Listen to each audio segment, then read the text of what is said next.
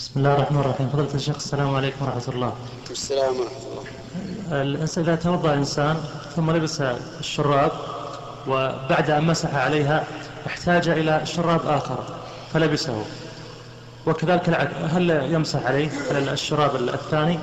وكذلك العكس إذا كان عليه جوارب أو شراب آه، اثنين آه، على بعضها فاحتاج إلى نزع أحدهما. فكيف يكون ال- البناء على المسح؟ أما المسألة الأولى إذا احتاج أن يلبس زيادة ولبس الزيادة على طهارة فلا بأس فلا بأس ويمسح عليها لكن يعتبر المدة من من مسح الأول. فلو مضى مثلا يوم وبقي ليلة على المقيم فلبس فوق الأول على طهارة فإنه لا يمسح الثاني إلا بقية الليلة فقط.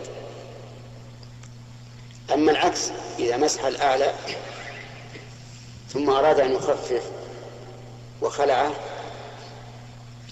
فإنه لا يتوضأ حتى يخلع الثاني لأنه خلع الممسوح. وإذا خلع وإذا خلع الممسوح بطل المسح.